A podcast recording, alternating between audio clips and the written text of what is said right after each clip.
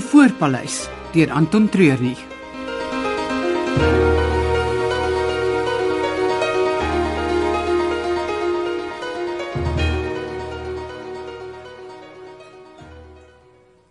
Ek haat 'n das.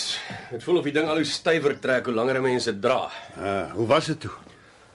Anders. En iets wat 'n ou gou sal vergeet nie. Ek gaan nooit na die goed toe nie. In my werk is dit nie 'n goeie idee nie. Begrafnisse skep onsekerheid oor jou eie verganklikheid. Ge, Ek het elke oomblik gehaat. Dit gevoel of almal se oë op my was, asof hulle geweet het. Maar jy moes gaan. Of was dit net om daai winter van ons spoor af te hou? Het hy weer met jou gepraat? Oor Vivian. Ja man, wie anders? Nee, nie na daai eerste ondervraging nie. Dis tyd hoor. Dis nog net 3 dae sedert Vivian se dood. Dis lank genoeg. Ek dink nie my suster sal vir my luister nie. Kry jy net vir my die afspraak by haar ek sal vir die res sorg. Sy gaan nie val vir jou charms nie. sy sal. Glo my, sy sal.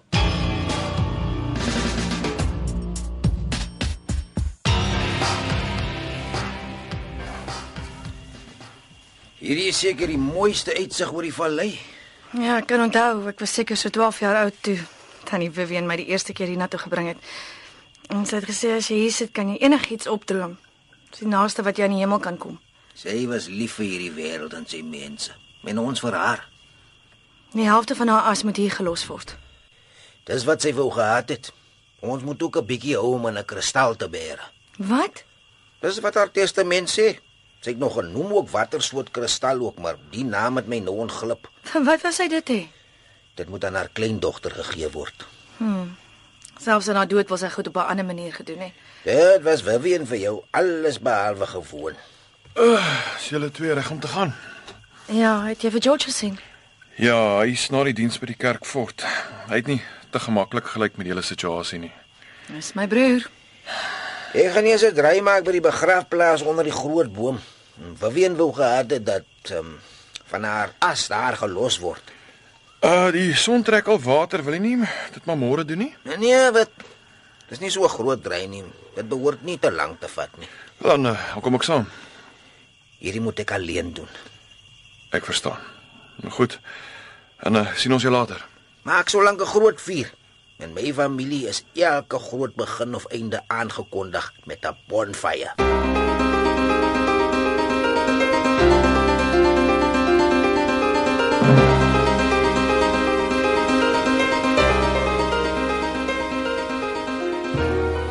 Waar bly die res? Hulle het eers haar as gaan strooi. En toe waar jy so vroeg? Maar as ek gebly het, sou dit nog snaakser gelyk het. Ek waai altyd vroeg as dit by sulke dinge kom. Ek het vir Kobbie ingestuur om die reëling se tref sodat ek my manne hier kan inkry. Jy wil nog steeds die sirkus ding probeer. Ja, dit is perfek werk. Groot vragmotors vol toerusting. Niemand sal dink dit is snaaks as 'n klomp eienaardige mans hier rondloop. En wie sal nou skiet op 'n klomp Hans Worse en akrobate? Klink absurd. En dis hoekom dit sal werk. Niemand sal iets vermoed nie. Die enigste probleem is my suster. Soos ek haar ken, gaan sy die hele feesidee nou uitgooi. En dan moet ek en jy seker maak sy doen dit nie.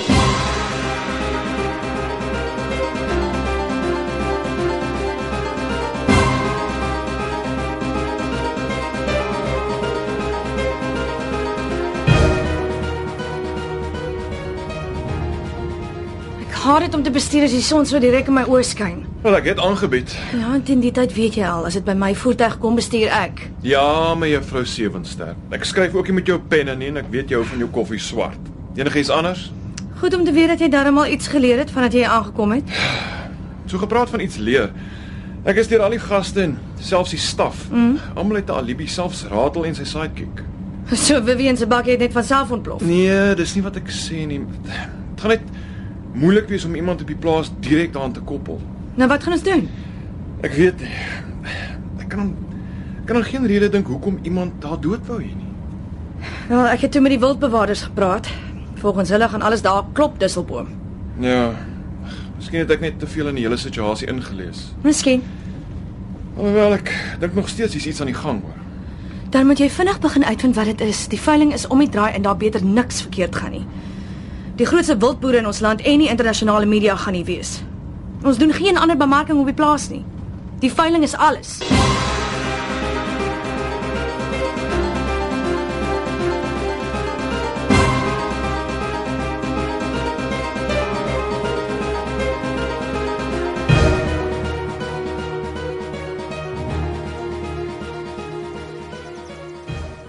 Kom ons sê alles verloop volgens plan en jy ry by die plaas uit met al die eef voor. Wat dan? Dan ek het 'n uur en 'n half voorsprong nodig om deur die pas te kom. Dan is ons home free. Wat bedoel jy? nie so maklik nie. Daai deel van die plan nou ek vir myself. En ek?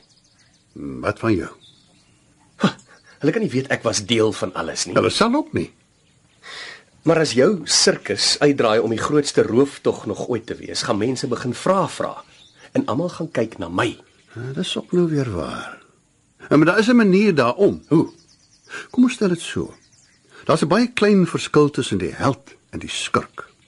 Om die waarheid te sê, dis die teenoorgestelde kante van dieselfde munt. Ons moet sorg dat jou munt op die regte kant val. Hoe gaan ons dit doen? Eers moet ons in die game kom, George.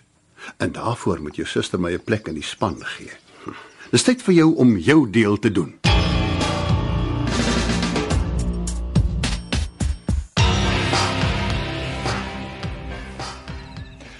Ek hoor van die boere begin hulle wild al môre oorbring. Ons minder as 2 weke voor die veiling.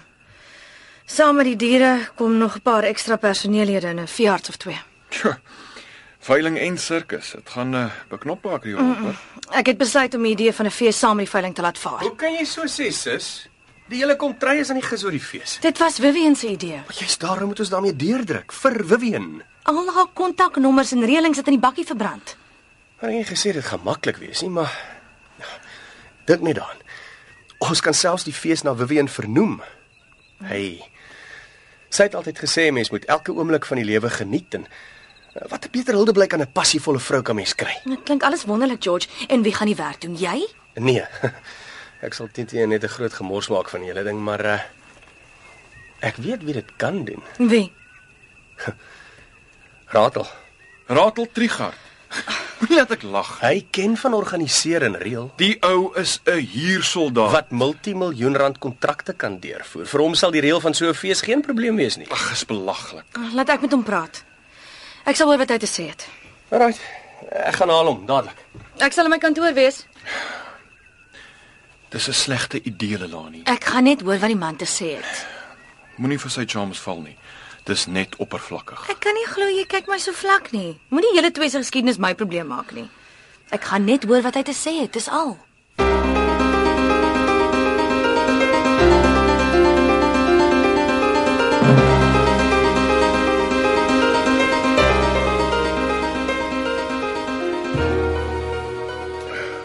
En as jy hier so by jouself sit, Ja, oom Bastian.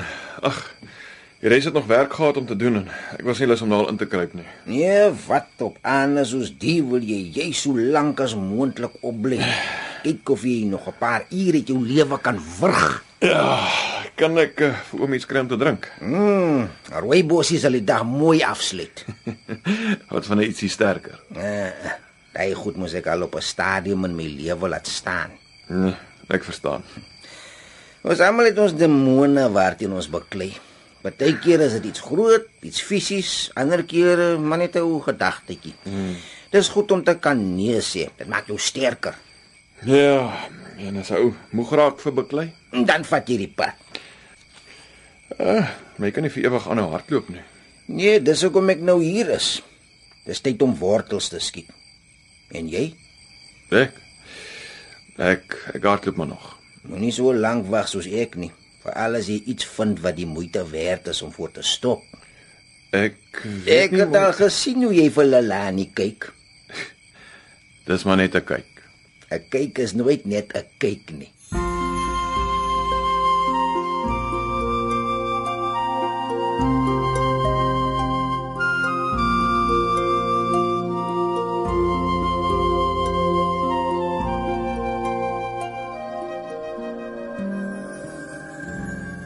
Moenie net daar sit en vir my kyk nie, meneer Trigard.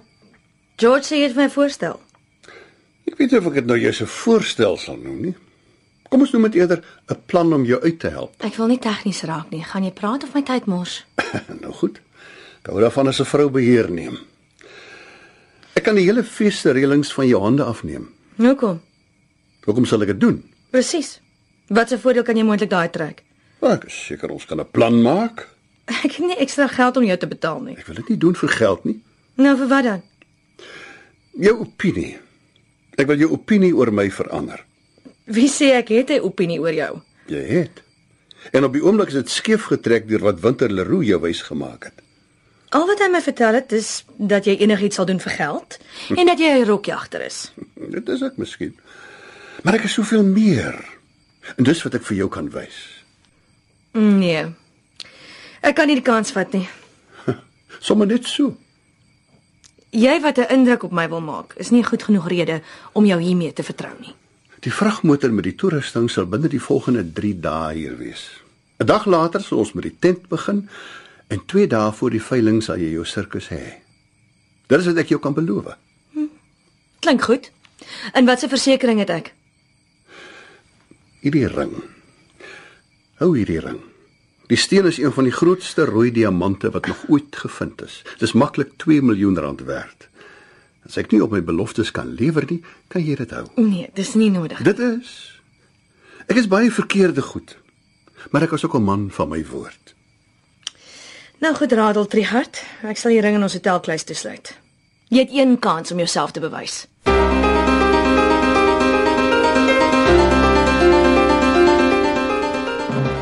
Dit was Ivoorpaleis deur Anton Treurnig. Die volgende spelers het die week deelgeneem. Andri Herbst was George, Nick de Jager Ratel, Johan Stassen Kopien, Deidre Voliter Vivian, Pietie Beyers Robert, Sue Pyler Estie, Dion Kreur Winter, Martlies Kolfer Lelani, Kim Klutter Catherine, Pieter van Sail Langes en Charlton George was Bastian. Die voorpaleis word in Kaapstad opgevoer onder die spelleiding van Margot Luit met tegniese en akoestiese versorging deur Cassie Lauers.